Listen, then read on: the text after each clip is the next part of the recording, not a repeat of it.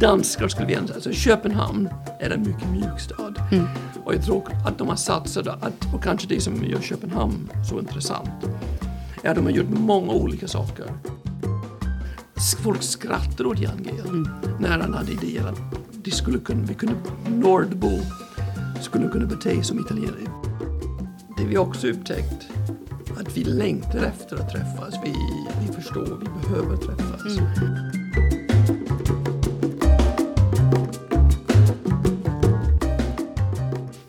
Hej och välkommen till Esplanad.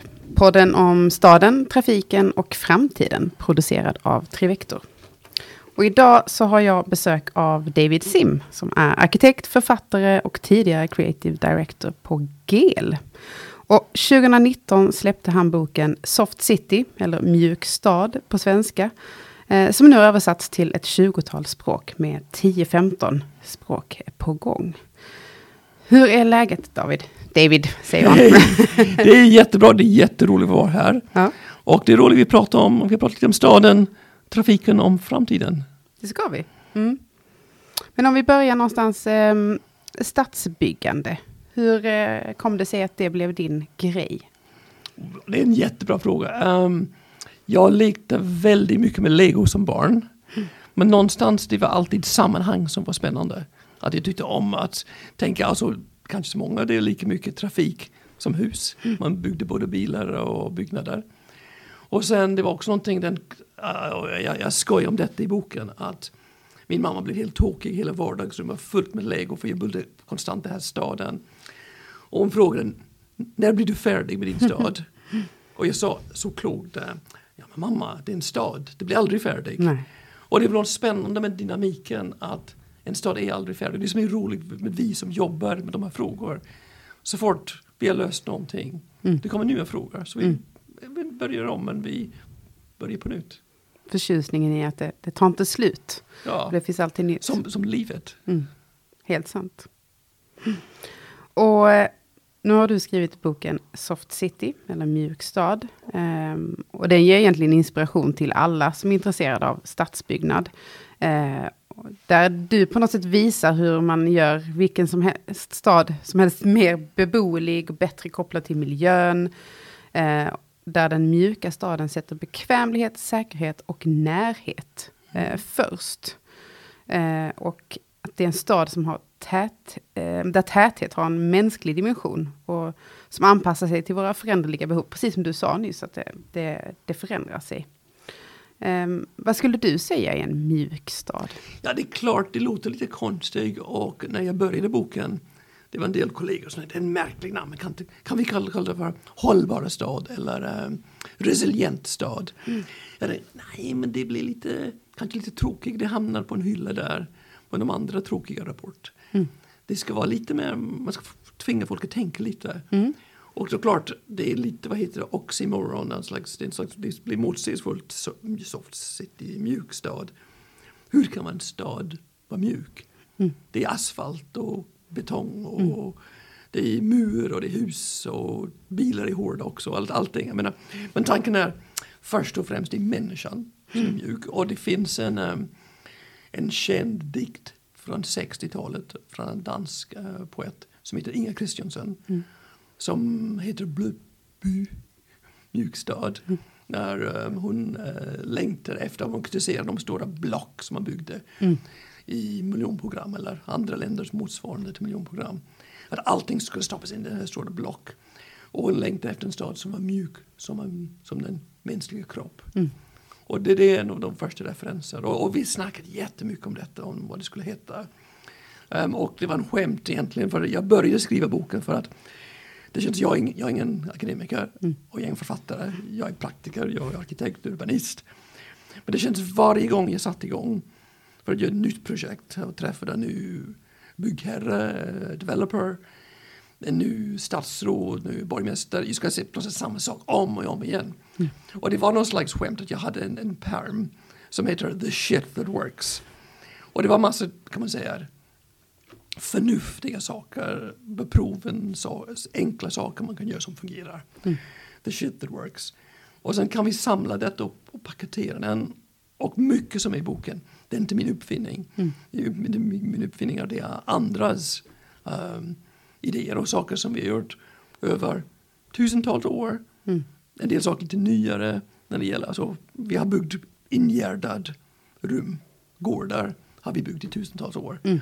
Det här med att vi gör numera i Köpenhamn trottoar som fortsätter över sidogator som är mina favoritsmåprojekt. Det är relativt nytt. Mm. Men det är ändå det är rätt mycket som på något sätt hänger ihop med en idé om hur kan vi göra det lättare att bo i en stad. Små enkla saker som behöver inte kosta så mycket.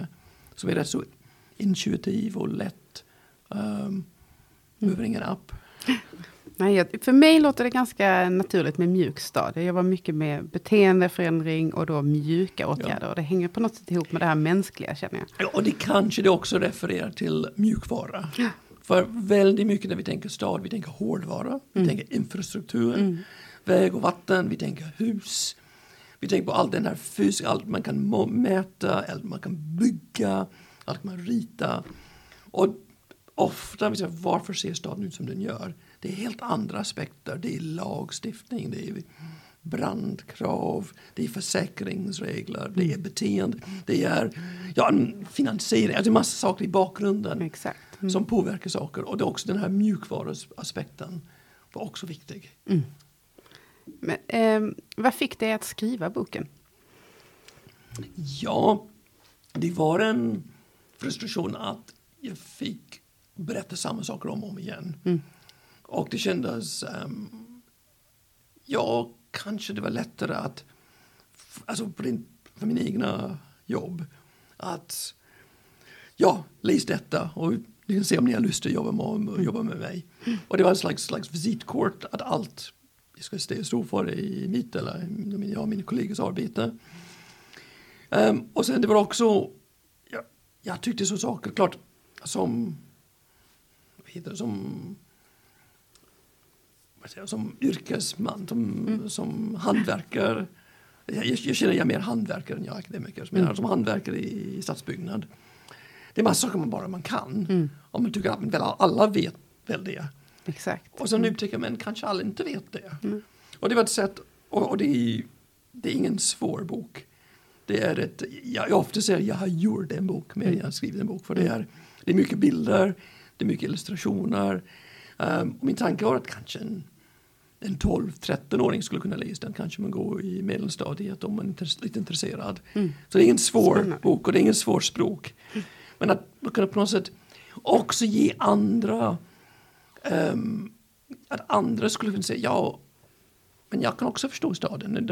Man behöver inte vara arkitekt eller planerare ingenjör för att förstå hur en stad fungerar. En del enkla saker man kanske alla, alla kan förstå. Men varför pratar vi om det här med mjuk stad nu? Så varför har det blivit... Eh, varför känner du att det är någonting som du behövde skriva om nu? Har det liksom kommit på, på tapeten? Under Ja, det är klart. Det första är, vi pratar stad väldigt mycket nu. Det är att alla, det var några år sedan plötsligt man sa att 50 procent av världens befolkning bor, bor i en stadsmiljö. Och vi blir medvetna hur städer fungerar. Och men också det kommer en massa forskning och intresse och fenomen kring att man förstår, man kan inte bara prata om folkhälsa. För folkhälsa blir påverkad av en stadsmiljö. Om ekonomi. För det, finns, det händer någonting och vi kan se det i politik nu. Väldigt tydliga skillnader mellan typ politik i städer, storstäder jämfört med mindre orter och landet. Absolut. Um, och, och det är på gott och ont, jag menar det, det är också besvärliga saker. Jag tror jag läste någonstans när eh, Donald Trump blev president i USA att sannolikheten att rösta för Donald Trump det blev högre desto längre man bodde för sin granne. Och väldigt mycket vi förstår att det här rädsla för den främmande det hänger upp med det man träffar inte den främmande i vardagen. Och desto tätare man kommer på olikhet och den främmande desto mer bek- bekvämt är det. Och det skulle jag säga Intressant. Mm. att det kunde vara i alla aspekter, inte bara människor. Att, ehm, kanske de som bor i storstäder är van med smaka olika mat, eh, hör olika musik. Man är inte så rädd om folk är klädda annorlunda. Vi sitter bredvid varandra på bussen varje dag. Och kanske också tänk på det här med klimatförändring, nu det är som en stor hopp, men det här att när man är van vid olika typer av väder man blir så, man tänker så, det är kanske inte så farligt med klimatförändring, vi, vi kan anpassa oss. Mm. Um, och i Skandinavien, alltså det med klimatförändring, det har man alltid haft. Mm. Man har en riktig vinter, man har en riktig sommar om man har tur. Mm. Och att man är van med olika väder. Andra delar av världen kanske man inte har så tydliga årstider. Alltså, um, man behöver komma lite bit längre ner i Europa. Och kanske det här är inte så självklart att man har olika kläder olika årstider. Mm. Uh, så det är någonting att, att bli bekväm med det som är lite annorlunda. Och det är kanske den mjuka är att man anpassar sig. Mm. Små förändringar gör att jag kan vara ute också sommar som vinter. Intressant. Uh, små förändringar gör att jag kan umgås med folk som är kanske inte precis som jag är. Men eh, är landsbygden helt ointressant då? Nej, landsbygden är jätteintressant. Mm. uh, och jag tror också där att det att det är en massa missförståelser. Att man tror att staden är bara storstaden. Mm. Och, och jag kanske ångrar mig lite grann. Soft City låter lite kul som titel. och på danska där jag, jag, jobbade innan. Um, det finns bara ett ord by. Mm. By är både stad och storstad. Ja. Um, men på engelska det finns typ village, town, mm. city. Så town, alltså stad, är kanske bättre ord. Um, men det var att tänka på att ofta mindre ort förut var rätt urbana. Alltså ett, um, en by. Det kanske fanns en krog, ett stadshus. Man kanske hade institutioner, även i en liten, liten stad, en by, man hade institutioner som var, stat, var stadsmässiga. Man hade en torg mm. med lite handel eller någonting. Och det är det som är lite förlorat. Att kanske glesbygd har blivit glesare. Mm. Och stödfunktioner som man får känsla av samhörighet mm. samhälle försvinner. Vi, vi har tagit bort de lokala, kanske små bibliotek. Precis. Skolorna har lagts ner. Och fast jag tycker att de här värderingar som, för det är också någonting man kan lika med ett språk, eh, city och citizen, medborgare. Allt detta hänger på att vara civiliserad och allting, allt detta hänger upp språkmässigt. Mm. Och det är klart, tar man, tar man bort det underlag för den känsla av samhörighet, då, det är klart um, det blir mindre stadsmässigt. Men jag tycker det är alltså helt klart framtiden, jag kan bara berätta nästa bok kommer handla mer om förorten och glesorten. Mm. För det känns, det, de är både de intressantaste mm. och också det mest relevanta för framtiden. Spännande. Mm. Eh, den här boken är översatt till otroligt många språk. Eh, och du berättade för mig nu precis innan vi började spela in att den kommer att översättas till ukrainska. Det är ju fantastiskt. Det är jättespännande mm. och tanken är att det ska vara en del av den här efterkrigs, de redan planerar för den här återuppbyggnaden mm. efter kriget. Och de vill gärna bygga upp efter en mer europeisk modell och en mer mänsklig modell. De vill mm. inte ha den här stora Sovjetblocken, de ska bort när de återuppbygger staden. Kommer ha en mänsklig skala. Jag har varit överraskad. Boken skrivs i en slags sammanhang. Jag som skotte, Nordeuropa, så någon slags triangel mellan Edinburgh, Lund, Köpenhamn och kanske någonstans i Schweiz. Eller Freiburg, i Freiburg i Sydtyskland, Schwarzwald och Bern i Schweiz. Någon slags triangel där. Mm. Men jag var överraskad av intresse runt om i världen. Um, det kommer nu en brasiliansk portugis version. Um, det kommer nu på thai. Nästa som blir tryckt om nästa vecka kommer ut, det är på mongolska. Mm. Så jag har varit överraskad att det fanns intresse. Och också, måste ärligt säga, jag var lite, lite rädd. men, men, men, var, men det, när jag fick kontakt med ett förlag i, i Mongoliet som ville, som ville översätta den, jag blev lite osäker. Men det kanske inte andra böcker ni skulle översätta i min, innan min bok. Men de menade, alltså Mongoliet som haft den här nomadkulturen. Um, de har inga bra förebilder av hur man bygger städer. Mm. Det de har är typ den sovjetiska, den kinesiska och den här modern kapitalistiska. Alltså allting är väldigt nytt. Och om det är de här typ rysk miljonprogram eller amerikanska höghus och shoppingmalls. Att de letar efter en snällare sätt att tänka. Mm. Och om man tänker oss vi anpassar oss till klimatet, vi, vi tänker den mänskliga skala. Det, det blir rätt så relevant. Mm. Så jag har varit överraskad av de här ehm, Superhäftigt ju. Ja, Ja. Och att kunna ha sånt inflytande på många ställen. Och jag tror också det är, också inte, inte som det är, det här är världens bästa bok. Men jag tror att vi kanske behöver flera enklare böcker, böcker som är lättläst, enkla att förstå, som förklarar saker. Mm. Det kanske, kanske Trivector ska komma någon slags mjuk mobilitet eller någonting, att man förklarar de här rätt så tunga ämnen på ett enkelt sätt och förklarar varför man gör vissa saker. Det kanske nästa kan vara ett projekt för dig. Ja, bra idé, jag tar det med mig. Eh, Som jag har förstått det så är du ju runt och berättar ganska mycket om den här boken. Eh, I olika städer och i olika länder. Hur många länder har du varit i i år? Ja, alltså inte så mycket. Alltså, alltså, jag hade en slags otur. Boken kommer ut hösten 2019. Ja, Ehm, strax innan pandemin. engelska. Mm. Och sen den första, redan den första översättningen som var den danska kom. Det hade pandemin börjat. Mm. Så egentligen jag har missat rätt många turer. Jag tror jag första riktig resa det var för ett år sedan. Jag fick komma till Tallinn till Estland. Mm. Ehm, men jag har varit nu, alltså i år, jag har varit i Mexiko. För det kom Ciudad Suave på spanska.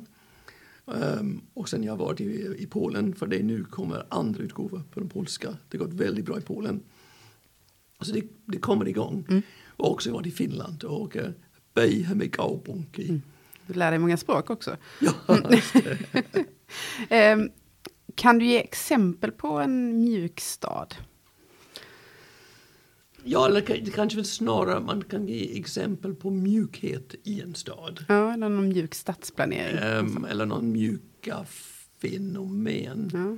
Alltså jag tänker nu, nu sitter vi här i Lund. Mm. Ehm, och som en solig dag, solig vinterdag som idag.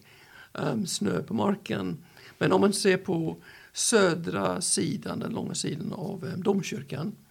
Man ser folk sitta ute på de här bänkar och hela domkyrkans söderväg blir som en stor element, en stenvägg som långsamt värms upp av solen. Och man kan sitta där på bänken och, och sola sig även när det är jättekallt och mitt i vinter. Det är snö på marken. Och ännu mjukare, alltså det blir någon slags klimatanpassning. Att man har lagt till små pallar vid den här domkyrkobänken som man kan ta med sin kaffekopp. Precis. Eller man kan sitta bredvid sin kompis. Och just den här flyttbara små justeringar. Det är också väldigt mjukt. Att man kan anpassa sig. Och nu, jag, vill, jag vill ha kanske ryggen mot solen. Eller eh, jag skulle gärna ha min dator med mig. Eller jag vill inte att min, eh, min inköp blir smutsig. Jag vill gärna ha, kunna lägga upp den. Och det är pyttesmå saker som gör att ja, det är lite mer lite omtänksam. Det kanske var en liten ramp när vi har en trappa så jag kan ta min cykel eller en dubbelän så man kan ta barnvagnen. Det är små detaljer som gör att det blir mycket lättare. De här små, små saker, som små hinder som kunde komma i vägen blir inte hinder. Går det att säga liksom, vilken som är världens mjukaste stad? Det är jättesvårt. Eh, jag, tror, jag, tror, jag tror att um, danskar skulle vilja alltså Köpenhamn är en mycket mjuk stad. Och jag tror att de har satsat, att, och kanske det som gör Köpenhamn så intressant, är att de har gjort många olika saker. Eh, kanske först och främst den mest kända i Köpenhamn Ströget. Att de, att, och, det är nästan, jag ska säga det är 50 år och två veckor sedan. Alltså det de, de, gjorde, de gjorde Ströget till permanent gata. Ja. Och det var något helt fantastiskt för det var en otroligt billig sak man gjorde. Man stängde av trafiken och så småningom började byta beläggningar. Men det gjorde att Köpenhamn blev världskänd för en gågata, men du behövde inte bygga något. Och det blev en grej under flera generationer att ta sig över till Köpenhamn, bara gå på Ströget. Bara Ja, det, är en fantastiskt. Så bara man tänker på det med gång, um, den möjlighet att gå och promenadstaden, det är det i början. Och det fortsätter, och jag nämnde innan, på sidogatorna i Köpenhamn, man har de här um, fottorvet, um, trottoaren fortsätter. Så man kan fortsätta gå och det gör det går snabbare gå än med de, med de här detaljerna. Det är en fem minuters promenad tar tre minuter bara för det går snabbare. Så Köpenhamn gör det lätt att gå. Man gör det lätt att cykla. Ni alla känner till de jättefina cykelbanor. Men de är också bra på rum att vistas i. Mm. Både att man har offentliga bänkar och man har den kulturen att man fick ha stolar och bord utanför kaféer och butiker. Och det var inte så länge sedan, kanske 25 år sedan, man tyckte det helt tokig. Mm. Det är inte Paris här, det är inte Italien. Kommer vi verkligen, menar, och, och, eh, Jan Gehl som var min gammalkör, som både min lärare och en gång i tiden och sen min chef på Gehl. Um, folk skrattade åt Jan Gehl mm. När han hade idéer att de skulle kunna, vi kunde, Nordbo skulle kunna bete, som bete sig som italienare. Mm. Tänk att vi skulle sitta ute och dricka cappuccino. Ja. Så löjligt, kommer aldrig, aldrig hända. och det blir så en del av, av vardagen för ja. oss nu. Så den där mjukheten och också fortsätta Köpenhamn. De har de här gårdsrum, de har, de har jobbat mycket de befintliga byggnader. Och istället för att riva de gamla hus, de renoverar dem lite försiktigt. De klistrar balkonger och vinterträdgården på de gamla husen. De gör det, man, man, man städade upp bakgårdar, man tog bort bilarna, man tog bort asfalten, man fick grönt. Och plötsligt en familj kunde bo mitt i Köpenhamn. Så man hade alla fördelar av att vara i en storstad. Mm. Uh, fast alla fördelar av att ha en stor lugn trädgård baksidan. Typ sova med öppet fönster mitt i stan. Mm. Så allt det här mjukheten det kan handla om på alla möjliga nivåer. Mm. Um, och kanske det är en kombination av både hårdvara, att man bygger saker, mm. men också mjukvara, att man kanske ändrar regler. Man gör det lättare att ha typ, möbler utanför butiken och framför restaurangen. Förlåt, jag kan bara fortsätta. Och fortsätta. Nej, jag hör det, men det är jättespännande. Um, jag tänker när du berättar om de här uh, platserna och uh, bänkarna och uh, allt det där som gör den här mjuka staden ett uttryck som dykt upp för oss den senaste tiden är den tredje platsen. Där den första platsen är hemmet och den andra är arbetet. Och den tredje är ett ställe där man kan vara eller hänga, liksom ett vardagsrum utanför hemmet. Hur kopplar det till den mjuka staden? men det, är, det är jättebra. Det är klart, det är just den här diffusa, den här oklara, den här Precis. mellanting. Mm. Och den här, det är en väldigt viktig bok. Jan Gehl skrev Livet mellan husen på 70-talet. Ja. Och just den här mellan mm. var så viktig, den här in between på något sätt, vad, vad, vad det betyder. Och just någonting mellan hemmet och arbetsplats. Och det kunde vara, kanske vara gatan, torget, parken, men det kan också vara alltså, någonting som är privat. Det kan vara en café kanske. Exakt. Det kan vara en lobby av en hotell. Uh, och det, det är just det här att man kan stanna upp och det händer väldigt mycket. Um, jag tror det finns en fenomen inom natur. Det kommer att heta ekoton. Och det är där typ där havet möter landet. Allt kring kusten. Alltså det finns mycket mer um, mångfald av biodiversitet i det här mötet. Just när kusten, när landet möter havet. Mm. När änget, ängen möter skogen. Mm. Det finns också den här en klimax, det finns där jättemycket längs den här kanten. Mm. Det är ett slags möte, det händer det är någonting med möten. Så kanter är jätteviktig.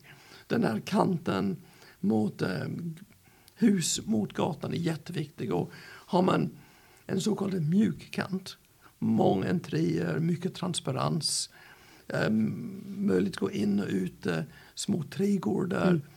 Det gör att gatan ändrar sig för det blir en massa möten. Och både, Precis. Alltså man möter vädret, mm. man kan ha öppet, man kan sitta ute, man kan sola sig. Uh, man möter platsen, man känner som man hör till en gata eller en torg. Och man möter andra människor. Och det är de här möten som är så spännande. Och jag tror egentligen när jag kom på detta, kanske den första gången jag hörde ordet mjuk i stadsbyggnadssammanhang. Jan Gehl hade en föreläsning om mjuka kanter. Ja, det var någonting med mjuka kanter, göra mjuk stad. Mm. Och jag tänkte, ja men det med mjuk kant är jätteintressant men kan man inte göra allting mjuk? Mm. Ja. Inte bara kanten. Häftigt. Um, nu har vi pratat uh, mycket om den här mjuka staden och den mänskliga staden. Um, och det är ju jättemycket som händer runt omkring oss nu. Vi har ju redan varit inne på på kriget i Ukraina. Um, men någonting annat som hände var ju pandemin och det gjorde ju också att digitaliseringen har ju ökat något oerhört. Uh, Vad innebär det för den liksom mjuka mänskliga staden och för stadsbyggandet i stort? Ja, det är klart vi blir inkastade i en massa saker, i en massa frågor nu om nu, vi, vi träffas inte på riktigt, vi sitter i Teams, um, vi handlar online. Mm. Fast det vi också upptäckt att vi längtar efter att träffas. Vi, vi förstår, vi behöver träffas. Mm. Och klart, vi lär oss nu, vi har blivit lite duktigare på den nya tekniken. Och vi har tvungna, de som kanske inte vill, vi är tvungna att uh, ha Teamsmöten. Exakt. Och kanske men ändå man är lite mer um, försiktig. Man tänker, behöver jag verkligen åka upp till Stockholm på det mötet? Eller? Mm. Absolut. Men samtidigt man ser betydelsen av att träffas. Och det, jag tycker det är intressant, för nu det, det är toppen på en isberg och frågar om detta när den digitala, kanske, den tekniska, um, den digitala tar över från den analoga. Um, och det är, jag tänkte när jag var barn hur man såg på framtiden. Man trodde allting, vi trodde på allting det skulle vara dator och Mm. det är lite, lite som Star Trek eller någonting. Eller man, flygande bilar och vi ska de här tuggummi i måltider och jag vet inte vad det skulle vara. Men egentligen verkligheten jag kan tänka från det jag trodde 2000-talet skulle vara är att det är mycket mer analogt, det är mycket mer riktig, hälsosam, autentisk, ekologisk mat. Mm. Att vi bor inte i plasttorn. Vi vill gärna bo i ett riktigt trähus och Mm. kunna öppna ett fönster. Den här analoga saker är viktigt. Och, och allt detta um, kanske uh, tyder på den här behovet av riktiga möten. Um, när jag tog det namnet Soft City, det var också en liten reaktion mot Smart City. Som man hör jättemycket. Absolut. Mm. Och Smart City som är ofta handlar om att typ sälja dyr teknologi. Och man undrar ibland, behöver man allt detta? Det är klart, det är praktiskt med att vi kan Teams och jag använder min mobiltelefon. Men är det bara en extra verktyg som gör vår umgäng blir bättre? Mm. För egentligen de här riktiga möten, de riktiga träffen och också att vara utomhus och röra på sig. Det är viktigare än någonsin. Mm. Um, jag nämnde tidigare folkhälsa.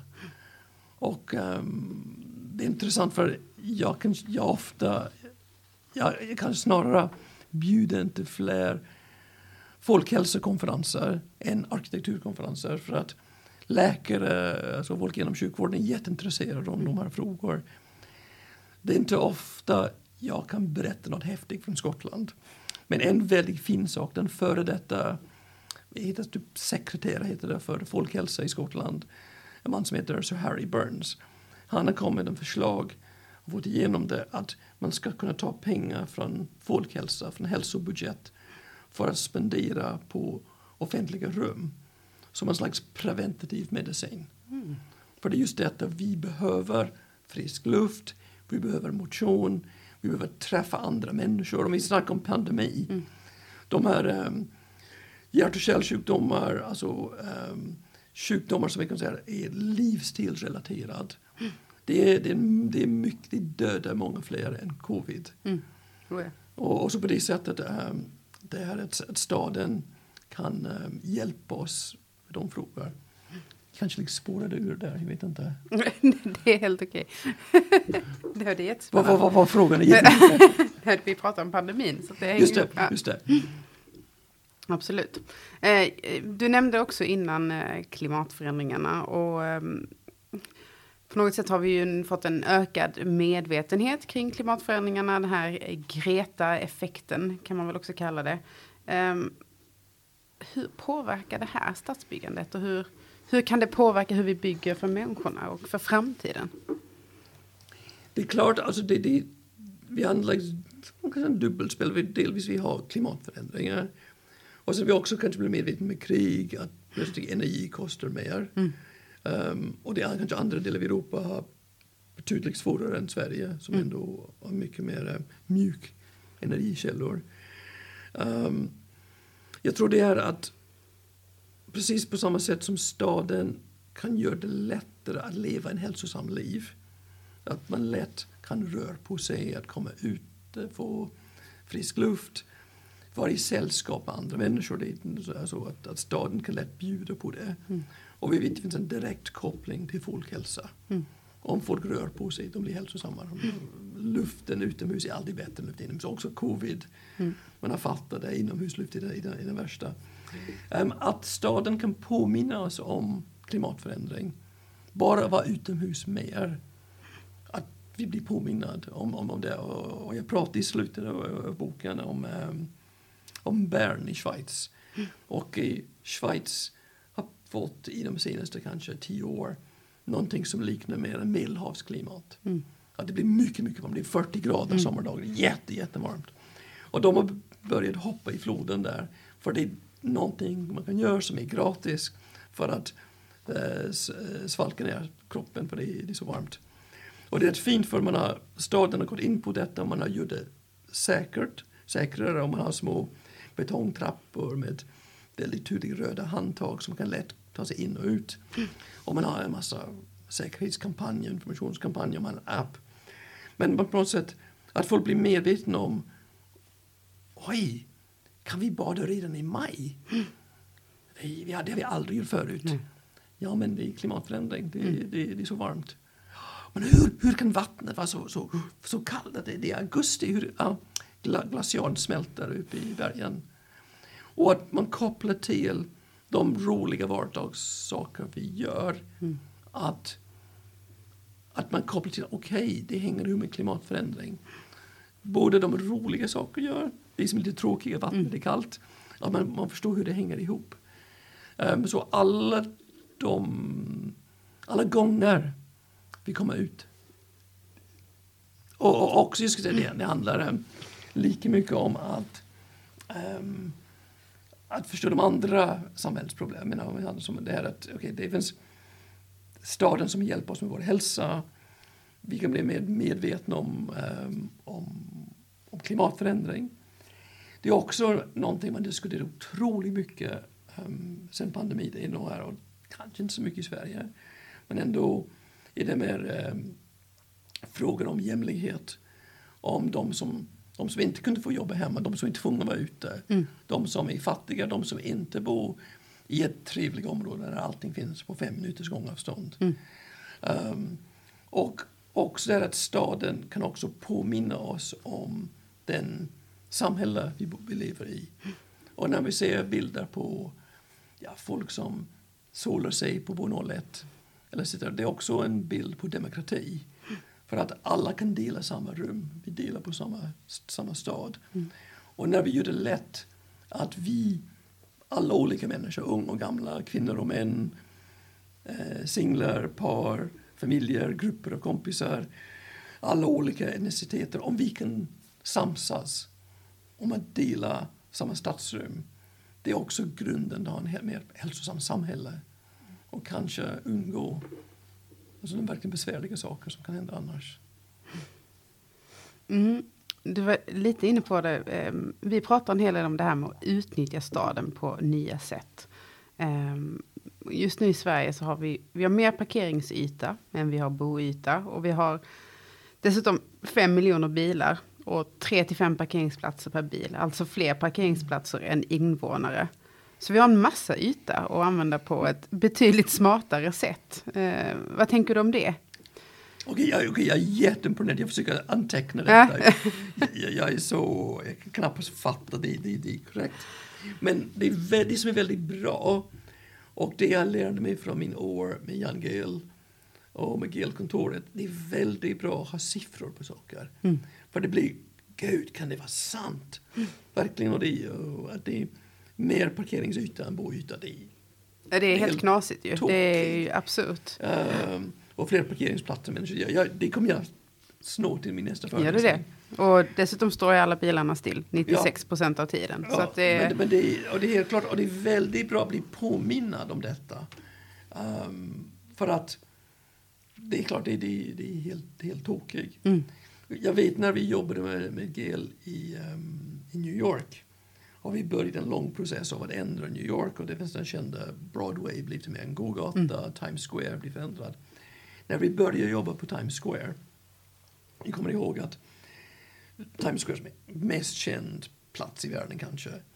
Um, att 90 procent av ytan av Times Square var körfält. Det var till bilar. Mm. Men 90 procent som var i Times Square var de gående. Och på det tänker sig att 90 procent av människor fick samsas om 10 procent av ytan. Och man fattar, det är lite tokig. Men det som är bra när man har någon slags siffra, det är man kan skriva en artikel. Uh, en journalist kan skriva en artikel, en politiker kan hålla ett tal.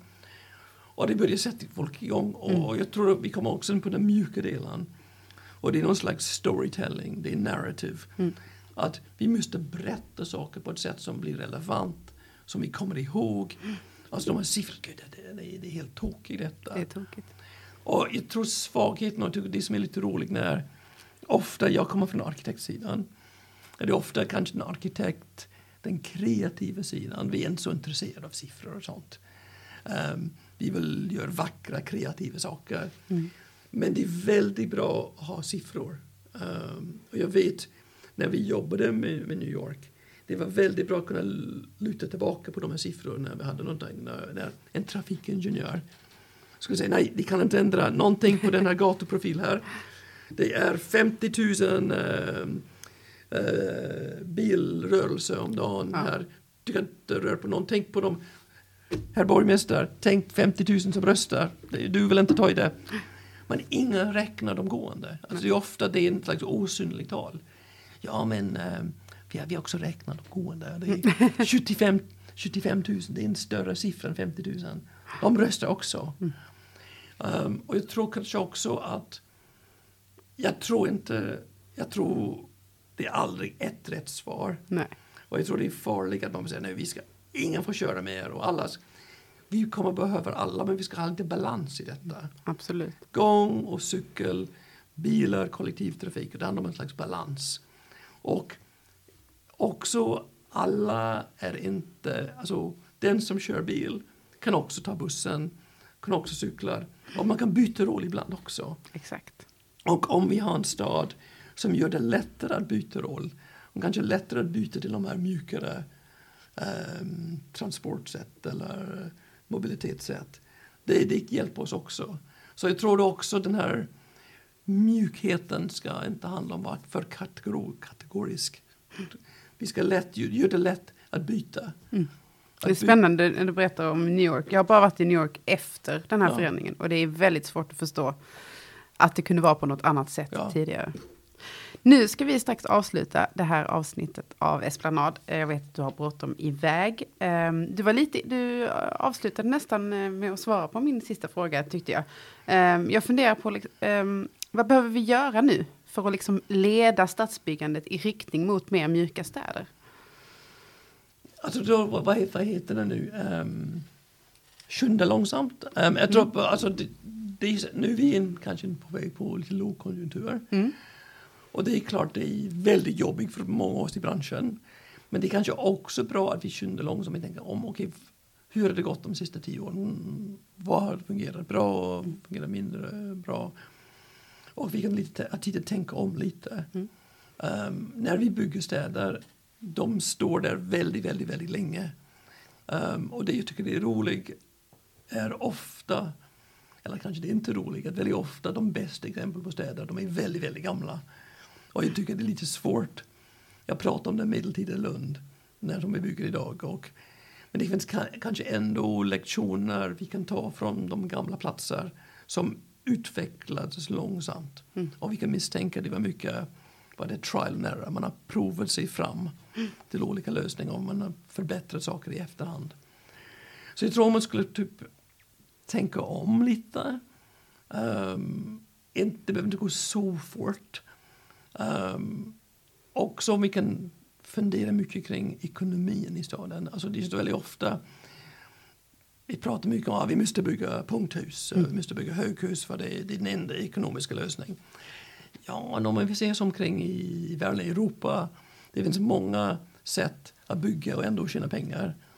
Um, och tyskarna, jag tänker tyskarna, inte minst med det här Baugemeinschaft, har visat att man kan faktiskt bygga den här täta staden som är blandad uh, med mänskliga, alltså mäns, det här mänskliga skala um, utan att det behöver vara höghus eller punkthus eller mm. um, så det, det, finns bra exempel. Så jag tror det är um, och som sagt jag tror också det är viktigt att det inte det soft city, det är inte ett svar. Jag tror det kanske är många olika svar som tas i samma riktning. Så jag, jag menar inte det här i någon slags bibel eller någonting. Det är en liten handbok med en massa olika exempel som kan vara relevant när man gör en projekt. Men det kanske det, det viktigaste är om man ser det holistiskt. Att man inte tänker bara hus eller bara vägg eller bara park. Man ska tänka hur hela på något sätt allting blandas ihop. Och just när, och det är kanske som är kontext, att man tänker holistiskt. Det är kanske det viktigaste. Mm. Skynda långsamt, tänka holistiskt, lära ja. av äldre städer. Ja, och det, finns också, ja, förlåt, och det finns också många bra exempel. Och det var, det var mycket medvetet i boken att det finns nästan inga gamla städer i boken. Vi försökte med boken ha bara exempel från nyare platser, nybyggda saker. För det är inte bara den gamla. Så det är, ehm, Nya och gamla. Mm. Ja. Stort tack för att du ville gästa Tack så mycket, David. det var jätteroligt att vara här. Tack så mycket. Tack.